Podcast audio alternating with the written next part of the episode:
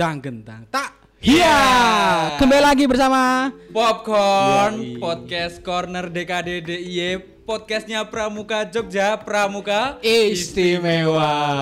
Wah, tip. Kembali biasa. lagi bersama kami. Yang Oke. kita pernah duet ya? Eh bukan duet sih, berempat. Oh, Iya waktu itu berempat tapi ada- tanpa video. Iya Sekarang kita Waktu itu cuman audio aja kan Iya.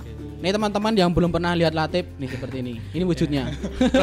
Roto-roto menyesal begitu ya Mungkin teman-teman yang melihat ini sosok-sosoknya ya. Udah berekspektasi tinggi Iya. Pas udah lihat di video Oh kok gini Mak Jegagi. Iya mak gagi gitu ya Nah, Iya. Atep, pada kesempatan pa- eh, pada kesempatan hari ini Iya kak kita akan membawa bukan membawakan sih, akan memberikan eh, sedikit eh, pembahasan tentang pendidikan kita. Eh, Iya pendidikan udah, udah selaras ya ini kita pada pakai eh, alma mater. Alma mater. Ini saya pakai OSIS ya, guys. Jadi saya masih SMA di sini. Asini wak. Iya. ini saya juga pakai alma mater tapi eh, Universitas. Jadi kita menunjukkan bahwa kita itu masih Eh, sebagai penegak, ini penegak, pandega. saya pandega. Tapi dengan dikemas dengan hal yang berbeda. Iya. Itu ya. Iya, lebih universal. Oh iya. Tapi tetap bangga kan kita pakai. Iya, pakai alma mater tercinta. tetap ganteng kan ya tapi ya walaupun di DKD yang ganteng ade tapi ya saya yang Ya. paling ganteng Yo, anu, kalau kalau di sini kita lah. ya Oke. Oke, kali ini luar biasa sekali Mas Iya, podcast kita kali ini spesial ada tema-temanya orang-orang pendidikan begitu ya. Oke, di samping eh, setiap tahun kita mengalami peningkatan. Wah, setiap podcast kita mengalami peningkatan. Mungkin waktu dulu masih eh, apa? suara suara tok terus kita mulai video Iya, tapi iya. narasumbernya masih dari teman-teman gitu kan. Kemudian kita mulai naik lagi. Kita pakai eh, narasumbernya dari Kak Warda kemudian Kak Mangkubumi. Kak Mangkubumi kita Kemudian hadirkan ada- Kak Hayu iya sekarang Dan kita tingkatkan lagi ke tingkat internasional begitu. kita hadirkan tamu kita dari Luar negeri. tapi udah kita nasionalisasi. sudah kita KTP nasionalisasi. KTP sudah DIY ya Indonesia, Dari warga Indonesia. negara Indonesia. Siapa lagi kalau bukan Kak Arifin tepuk tangan Iya, dong tepuk tangan dong. selamat datang Kak Arifin Selamat, terima kasih. Ini eh, Sir kita panggilnya ya. how are you sir Sugeng Enjeng Kak. selamat datang Kak Arifin Terima selamat kasih. datang di podcast Dewan Kerja Iya, Daerah iya, iya. Popcorn Ya, Dewan Kerja Daerah Daerah Istimewa Yogyakarta. apa kabar Kak Arifin Baik, alhamdulillah. semangat ya Hebat walaupun semua. puasa kita tetap Ya. semangat ya, ya? Ya. Iya. Jadi Kak Arifin ini merupakan eh, wakil ketua anda bidang Bidang Bina Muda. Bener, Kak? Ya, Wah. Wakil Ketua Warda Bidang Bina Muda. nah kita boleh tanya nggak kak Boleh. di bagian bidang muda itu ngapain aja sih kak Eh, Bidang Bina Muda itu menangani tentang pramuka ya, yang ditangani itu pramukanya. Oleh karena itu yang ditangani karena yang ditangani pramuka itu maka bagaimana pelaksanaan pendidikan kepramukaannya SKU, SKK sampai pramuka Garuda. Kemudian lembaganya kan selain di gugus depan dengan itu juga ada di Saka, maka Saka juga di apa di apa jadi bagian dari pemikirannya. Kemudian juga ada pramuka yang luar biasa. Iya. Itu Oh, juga iya, itu pramuka pramuka. luar biasa.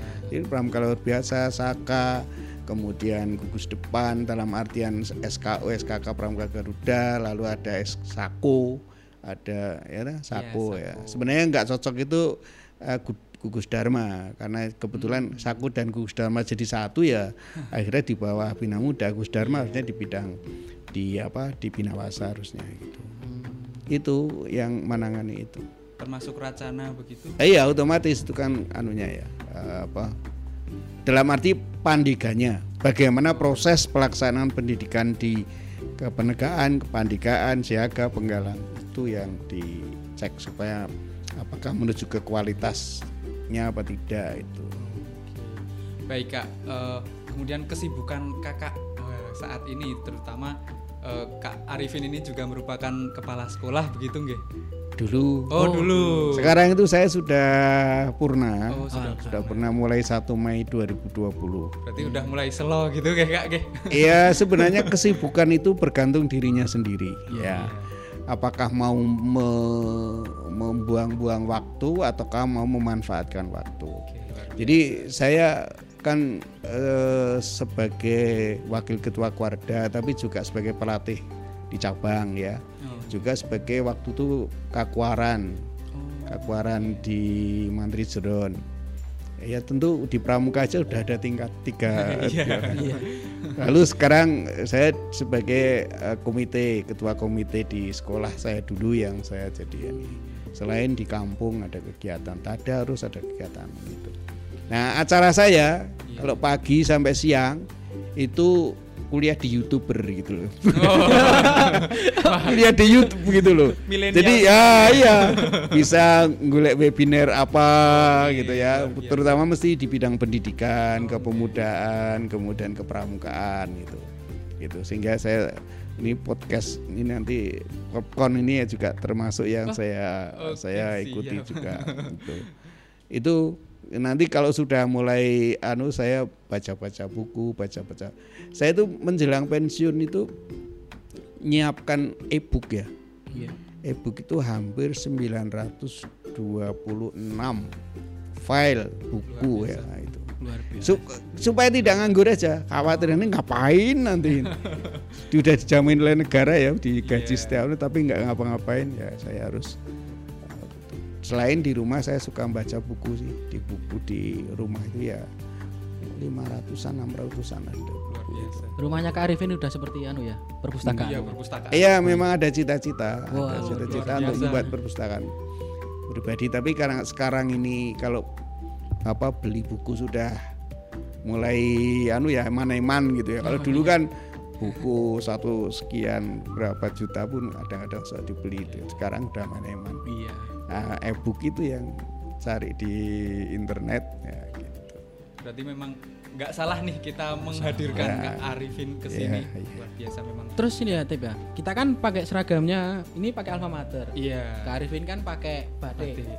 Jadi kan kita pas Kak Arifin juga bisa sebagai guru dan juga bisa sebagai dosen. Nah, Kuliah hari ini. Iya. kita dapat dua SKS. Nah, Oke. tadi juga Kak Arifin bilang dia eh, beliau hobinya eh, mendengarkan, melihat webinar, melihat webinar dan juga podcast. Mungkin tren kreatif besok boleh ya Kak Arifin jadi host di sini. Oh iya. kita bikin webinar sendiri. Ya, dan juga podcast mungkin Kak Arifin besok bisa eh, menjadi host di sini, menggantikan kita. saya itu cenderung lebih suka mengikuti live YouTube daripada Zoom. Oh, Jadi sering kan ngikuti pakai silakan daftar ke Zoom gitu. Iya. Saya kalau ada di YouTube-nya channel ini channel saya pakai YouTube sambil tiduran. Oh iya. Tidak usah Nggak harus pakai. on cam gitu Ah, ya. iya. Baru saja saya mau ngomong seperti itu. Karena saya juga merasakan. Ah, iya. Apalagi YouTuber sambil tiduran megang HP. Wah, Ah, iya, tiba-tiba gitu. plak HP. YouTube-nya yang nonton kita. Iya. Oke Arifin, kemudian nih pengalaman kakak nih selama menjadi tenaga pendidik apa saja, apa saja tuh kak? Mungkin Saya itu kan hampir 30 tahun ya Lama, menjadi pendidik. Ya, jadi dari selama 30 tahun itu eh, sejak tahun 2000 saya tahun 1990 ya. sebagai apa tenaga pendidik. Itu merangkap itu. Hmm. Jadi saya itu dulu juga staf kuartir daerah. Oh, Sama dengan kayak Kak Barosi itu loh, Oke. staf kuartir daerah. Jadi kalau pagi di kantor kuartir daerah, kalau siang saya ngajar. Kebetulan saya ditempatkan walaupun pegawai negeri tapi ditempatkan di sekolah swasta itu. iya. itu tidak boleh disebut ya enggak. Yang penting cuma di Yogyakarta. ah, di Jakarta. Ah, kemudian terus selama 10 tahun itu. Itu 10 tahun. Jadi pagi bekerja di Kuarda, terus, eh, siang ngajar sampai sore, nanti kembali lagi ke kantor Kuarda menyelesaikan yang belum selesai. Bolak-balik. Bolak-balik kayak gitu selama 10 tahun sehingga nggak sempat tuh berpikiran untuk punya pacar pun nggak sempat gitu ya. gitu. Tapi kemudian setelah 2003 tik- umur apa 13 tahun lalu saya diangkat jadi kepala sekolah. Berarti Sampai- dari dua, 2003 ya kak? Kakak 2003 saya sampai jadi mau sampai purna. sampai purna. Wah, lama sekali ya. Sampai purna. Berarti kepercayaan Jadi, Kak Arifin itu luar 17 biasa. tahun. Komitmennya di dunia Ya, pendidikan Luar luar biasa. biasa. Dari 2003 sampai 2020 ya pensiun nggak ya? 2020. Purna. 17 Berarti 17 tahun. Ya, suatu kepercayaan yang luar biasa itu kak. ya alhamdulillah lah. Alhamdulillah. Iya. Itu memang ya tidak mudah ya. Hmm. Ka- Artinya begini, biasanya orang-orang yang eh, kalau saya itu kan prinsipnya gini, saya kerjakan sesuatu karena sesuatu itu harus dikerjakan. Oke, Gitu loh. biasa. Sesuatu itu harus dikerjakan, masa kerjakan gitu. Artinya tidak memikirkan apakah saya ada orang yang berpikiran begini, apakah saya mengerjakan ini nanti dapat apa gitu. Oh, Saya iya, tidak punya mikir ya. dapat apa.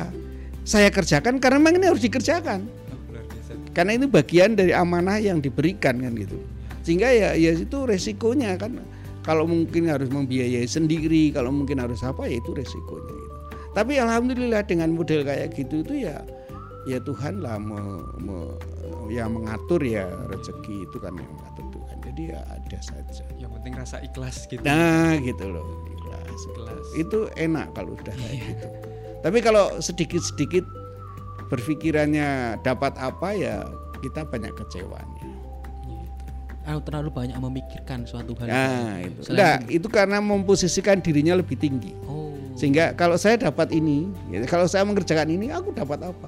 Dia seakan-akan memposisikan dirinya lebih tinggi dari kan gitu tuh. Kalau saya enggak, saya saya di- diberi tugasnya saya kerjakan. Gitu, saya kerjakan. Memang itu sejak awal sebelum menikah ya. Setelah menikah ada gangguan kayak gitu itu. Oh, rono rene ora tau ning omah ki entuk entuk lho. Oh iya. Nah itu bagaimana kak untuk menghadapinya? Karena kan saya juga kadang ka- saya, berkegiatan jarang Eh, pulang iya, karena iya, iya. berkegiatan terus terus di sampai mungkin sampai rumah atau sampai di mana pun ditanya, wah kamu i rale- apa ora bali-bali ki ngopo wae? Iya, ngono dapat ki." apa di Oh, sana, oh, Untuk apa? gitu. Wah itu bagaimana kak untuk Menghadapi. menanggapi? Lah itu itu yang anu ya. Ya pertama mesti harus sedikit demi sedikit diberitahukan Oke. bahwa tugasan itu harus dilaksanakan karena ini amanah dan sebagainya. Bukan untuk dapat apa, tapi karena dapat dilaksanakan memenuhi amanah itu sudah bagian dari uh, satu kesuksesan yang di hadapan Tuhan kan gitu. Itu yang penting kalau saya. Kalau umpamanya ingin dapat uang ya ke bank dong, tidak ke Iya. Iya, betul banget. kalau dapat ingin dapat anu ya ke pasar gitu loh. Berjualan menjual barang. Ini relate juga kalau kita terapkan ketika berorganisasi gitu ya. Iya. Kita nggak mengharapkan apa-apa, tapi apa yang bisa, bisa kita kerjakan, kita Ya, kerjakan ya, gitu. ya, ya. Iya. Oke, kemudian eh, realisasi gerakan pramuka sebagai pondasi pendidikan berkarakter. Nah ini gimana? Memang sejak awal pendidikan kepramukaan ya sejak dari Iya. anu apa Badan Bawal itu kan memang uh, the end of the Scott training is character building. Memang kan Luar begitu arahnya. ya. Iya. Jadi uh, membangun karakter. Hanya membangun karakter itu kan tidak mudah karena kara- karakter itu terbentuk karena ada interaksi interaksi gitu. Jadi ketika kita berkemah dalam satu kelompok, kita mulai dari bangun tidur bareng, melakukan aktivitas bersama, ada yang mengambil air, ada yang memasak, ada yang ini sampai terus aktivitas sampai ada yang kembali ke tidur lagi. Bersama kayak gitu itu akan membangun membentuk karakter. Karena ada perbedaan-perbedaan. Oh, iya. ada perbedaan-perbedaan, ada yang tidurnya ngorok yang tidak suka, ada Iya. yang sukanya gelap, ada yang sukanya terang. Nah itu kita terbiasa dengan perbedaan-perbedaan gitu itu lalu kita menempatkan oh yang benar itu gimana? gitu. gitu. Itu tapi kalau persoalannya ketika kita sekarang dalam kondisi yang jarang melakukan interaksi, memang satu tantangan tersendiri untuk pembentukan karakter. Hmm, Oke. gitu. Problemnya di situ ini. Gitu. Apakah bisa enggak umpamanya tidak interaksi tapi suruh interaksi dengan pihak lain? Misalnya eh, dengan tetangga dengan apa gitu Nah, kemudian nih Kak, kondisi pendidikan saat ini menurut pandangan atau pendapat Kak Arifin bagaimana? Karena kan sekarang masanya masa pandemi ini Kak. Kemudian iya betul pendidikan eh, eh, pengajarannya dengan Iya, cara dalam Iya. jaringan iya dan iya kita jarang juga tatap muka. Iya, iya. Terus bagaimana Pak? eh, problem kondisinya? utama problem utama pendidikan itu adalah pembiasaan untuk belajar mandiri itu yang menurut saya masih rendah itu problem utama karena rata-rata kalau saya tanya ke beberapa guru-guru itu pencapaian apa namanya kemampuan anak di dalam memenuhi target kurikulum itu menurun gitu loh rata-rata menurun. Itu artinya anak itu tidak terbiasa untuk belajar mandiri gitu loh belajar mandiri. Nah sehingga harus dibutuhkan tatap muka dengan guru harus diikuti perkembangannya gitu ini tantangan sekarang itu seperti itu. Nah sebenarnya gerakan pramuka itu gerakan pramuka itu mengajarkan untuk belajar mandiri loh. Yaitu dalam bentuk SKU SKU itu SKU itu yang penting oleh pembinanya dijelaskan kalau kamu mau saya tanda tangan ini kamu harus bisa ini ini ini ini. Iya. sumbernya dari mana? Dia bisa menggali terserah sumbernya dari mana. Jadi dia bahwa sumber belajar itu bisa diambil dari mana saja gitu. Ya. Tidak harus dari dari apa namanya pembinanya. Tapi asal bisa memenuhi kriteria yang disampaikan oleh pembina ya itu sudah sudah bisa ditandatangani. Ini problem yang terjadi di era pandemi kan ini. Jadi saya kemarin rapat apa namanya di sekolah juga apa namanya daya anunya juga kurang kurang masih perlu ditingkatkan. Itu hmm. salah satunya yaitu jarangnya tatap muka gitu. Yeah. ya. Apa lebih-lebih yang berkaitan dengan praktek. Ya benar gak selama ini saya juga merasakan bahwa ternyata kesadaran diri untuk belajar sendiri itu hmm. memang sangat iya, dibutuhkan. ya, jadi ya. tidak hanya uh, apa ya apa namanya menunggu instruksi dari ya, guru ya, betul, dari dosen. Betul, betul jadi kita harus benar-benar memang harus belajar mandiri karena dosen hanya menyampaikan setelah itu ya udah kamu se segera apa namanya dipelajari kembali karena yeah. kan kita hanya lewat uh, dalam jaringan lewat yeah. zoom dan lain-lain yeah. jadi yeah. kita pun mau bertanya juga agak yeah. gimana yeah. gitu mikir wah paketannya boros yeah. apalagi kalau dulu gitu kan kita di sekolah masih bisa belajar bareng temen, yeah. Yeah, yeah, bisa yeah. ngerjain soal bareng-bareng. Yeah. Nah, kalau sekarang kan kita harus berusaha untuk gimana caranya mengerjakan sendiri. Soalnya teman-teman juga jauh kan uh, belum tentu uh, deket-deket gitu.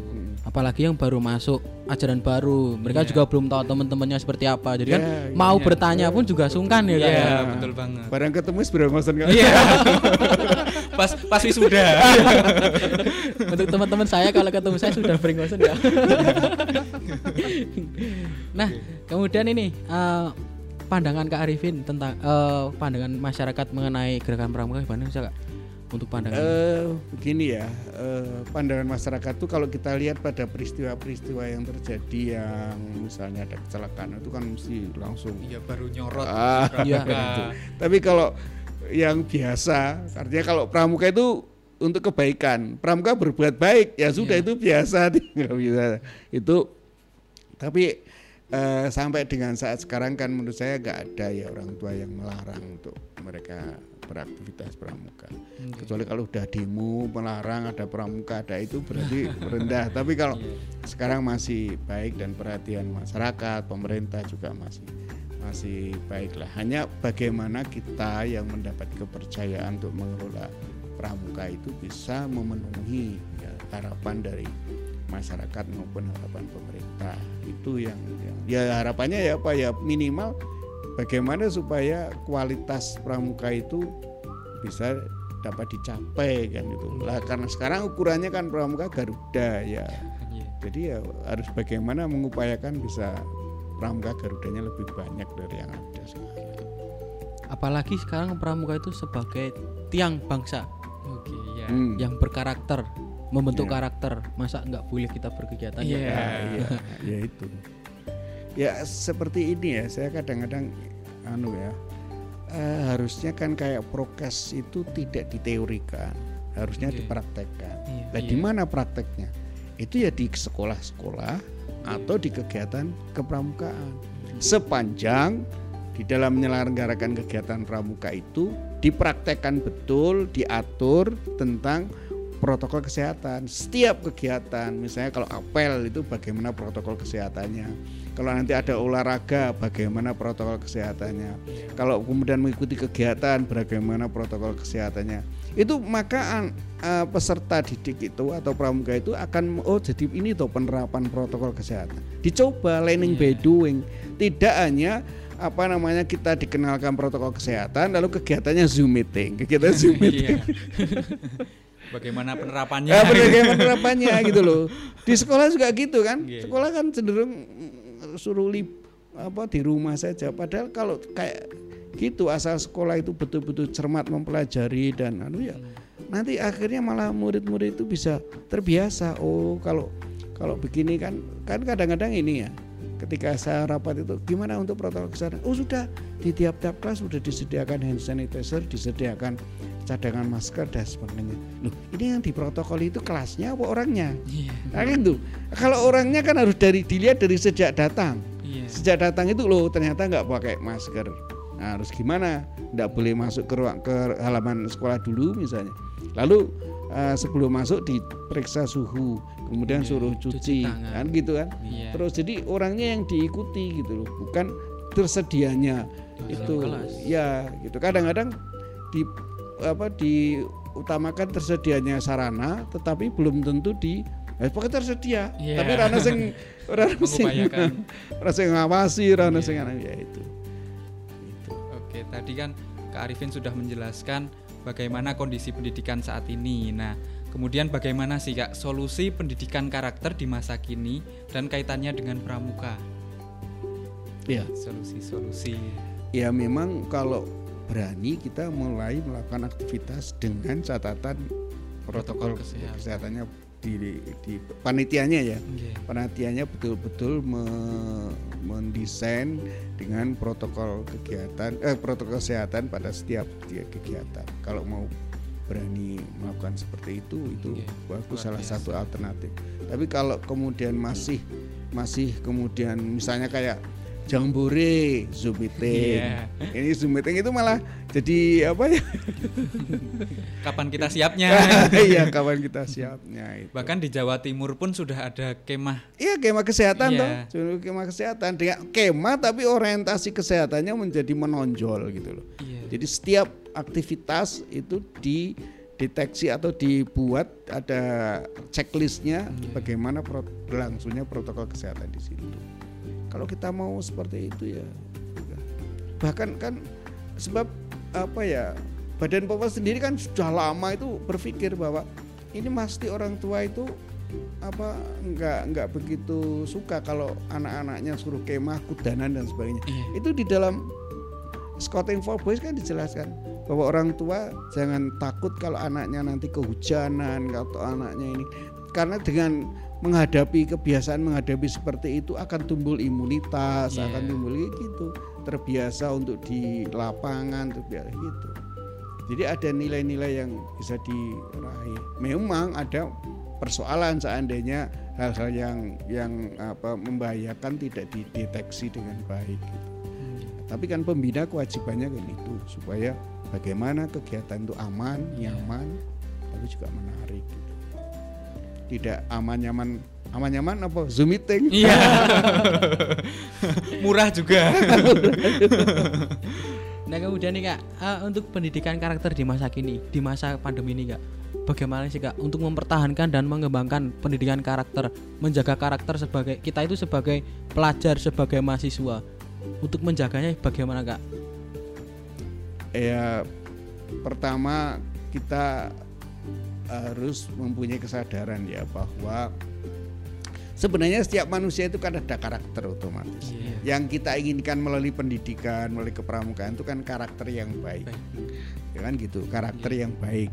Karena orang yang tidak pendidikan pun ada karakternya, tapi karakternya mungkin kurang baik gitu.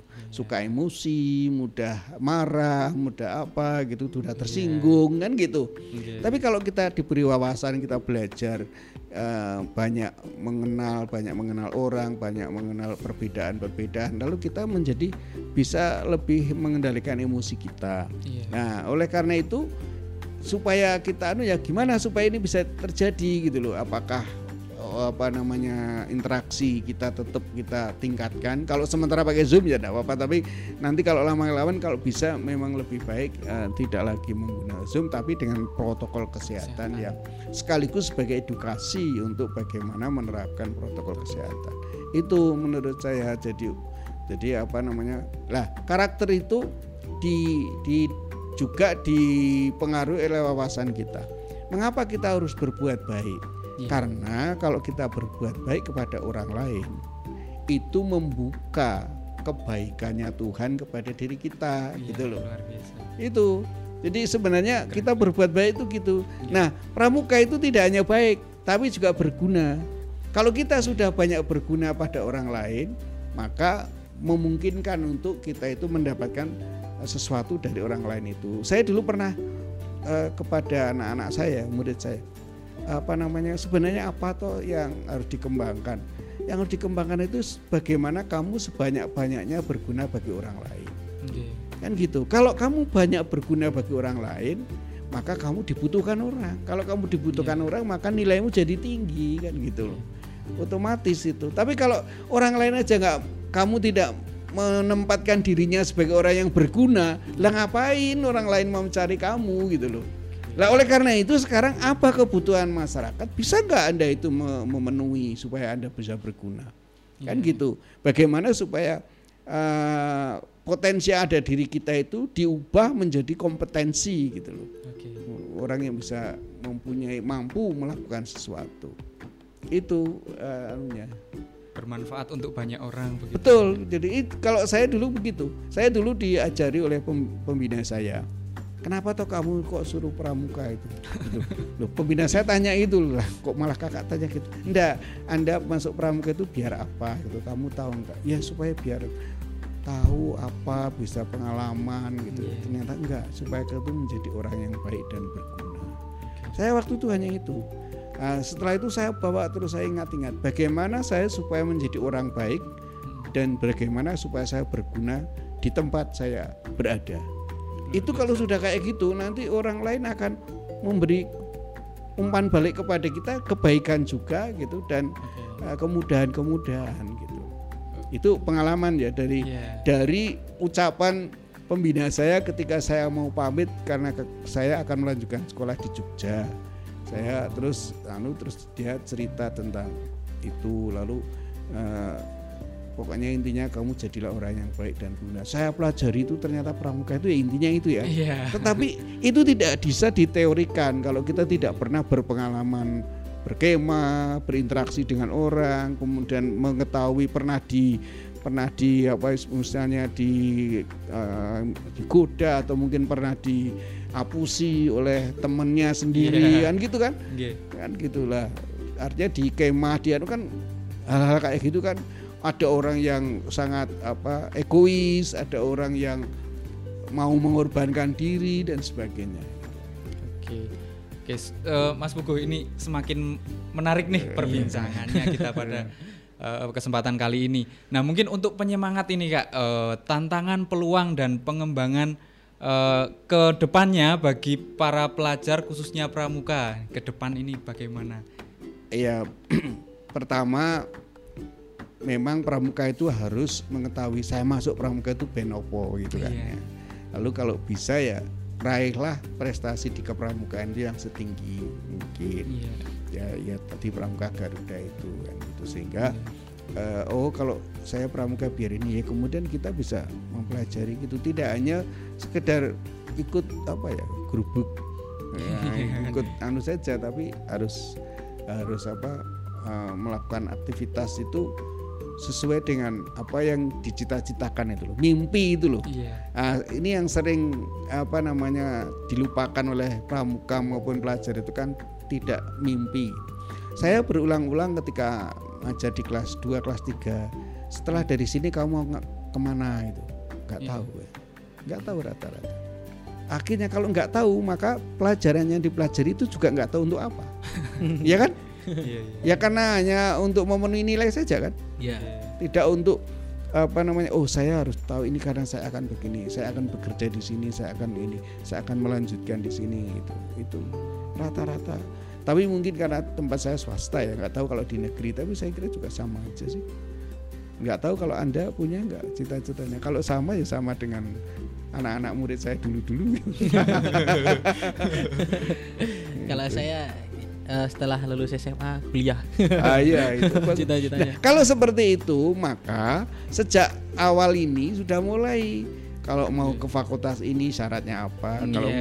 mulai terus gitu sedikit demi sedikit ngikuti gitu loh. Gitu. lalu setelah itu apa apa istilahnya eh, bobot materi yang harus diperkuat harus apa Iya. gitu di situlah lalu eh, ada pemilahan mana yang harus ditingkatkan. Nah, kalau enggak enggak punya mimpi kayak gitu ya biasa-biasa aja kan. Nggak punya arah mau enggak ke mana iya gitu. enggak punya arah gitu loh.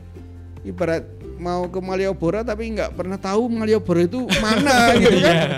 Itu gimana ini mau setelah dikasih peta dia main mana aja. Iya. di, ah, diberitahu itu pembacaan peta. Malah dolanan HP dewe gitu kan. Iya. barang waktu sekedar sekarang berangkat anu Malioboro. Lah Malioboro itu mana gitu? Lah lihat peta ada dilatih petanya gimana ini bacanya itu yang terjadi pada murid-murid se- seperti itu mungkin pramuka juga harapannya ya nggak begitulah ya pramuka.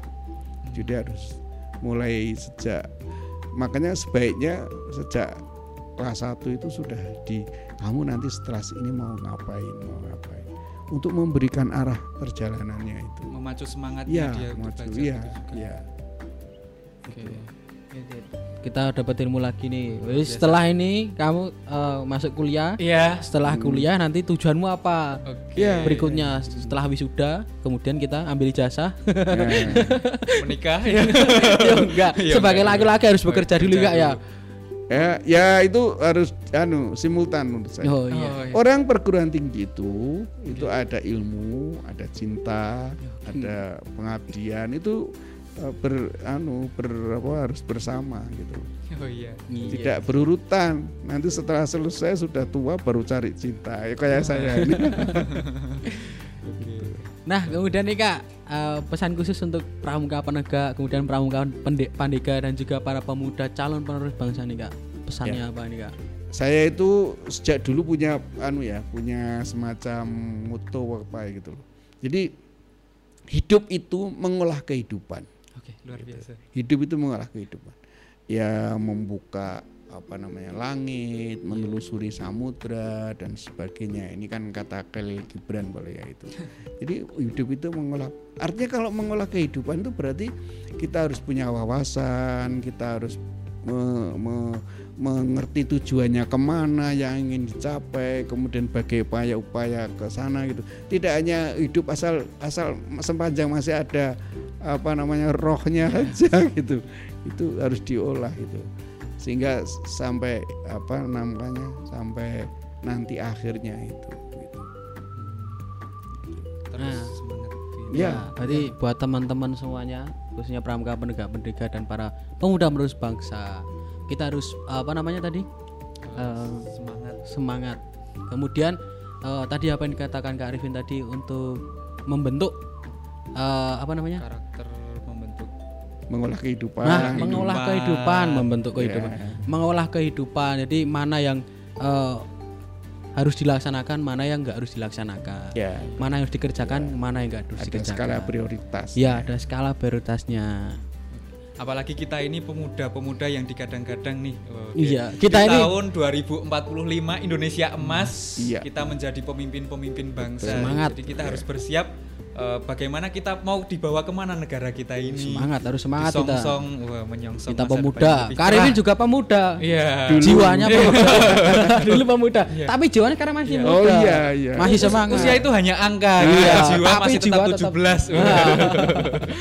kita kan masih seumuran Ya, kan. iya. ya enggak semuran. Iya. Jiwanya aja. Jiwanya seumuran.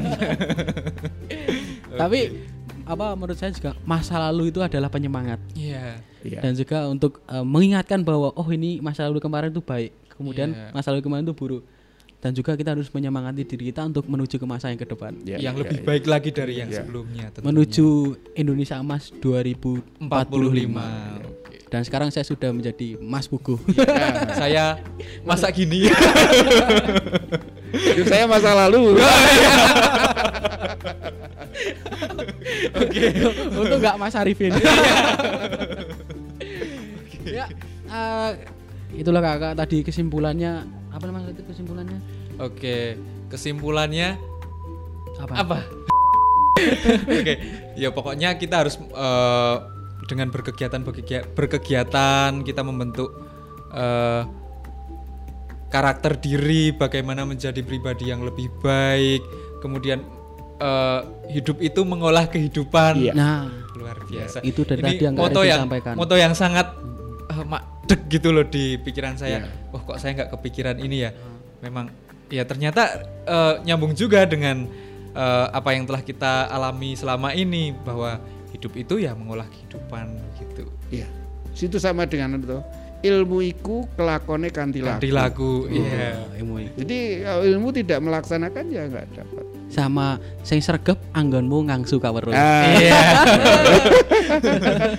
itu stiker di motor saya. saya pernah baca jadi familiar itu apa.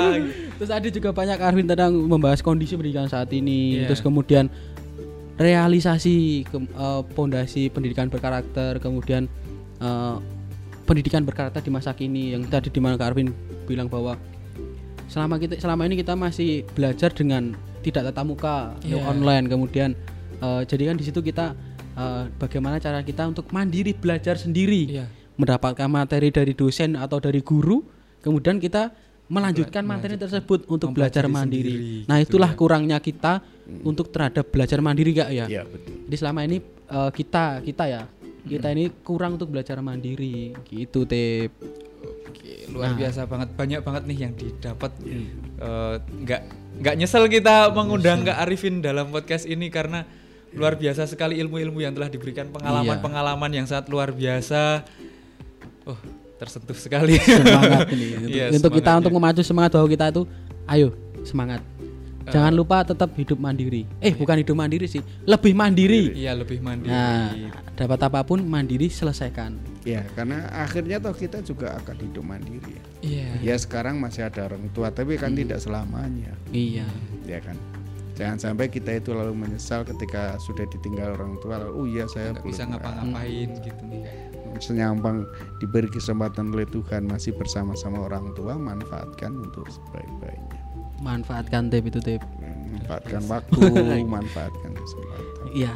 Oke, terima kasih Kak Arifin Iya, atas terima kasih banyak eh, apa yang telah diberikan ilmunya kepada kita dan para teman-teman semua yang di menonton sedang menonton podcast ini. ya Terima kasih banyak. Ini sangat bermanfaat. Teman-teman pahami ya.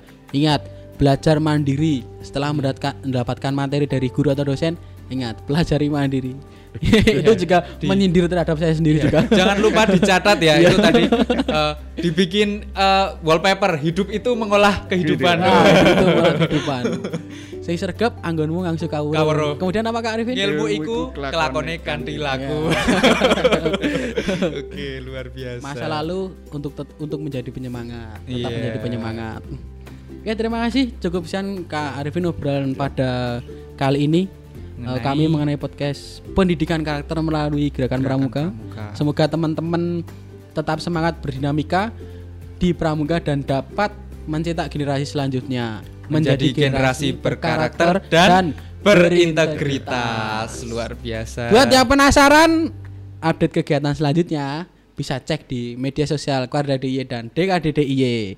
Silahkan buka link dan komen. Ja- oh subscribe, iya, ketika teman-teman nonton video nih Yoi. jangan lupa di like, Like, di share, di share, komen, komen. dan subscribe Gratis. Iya, karena subscribe itu gratis. Pencet tombol merah. Iya. Nek anu diklik, kalau pakai eh, komputer diklik, kalau pakai HP nunul. Iya, di nunul. Iya.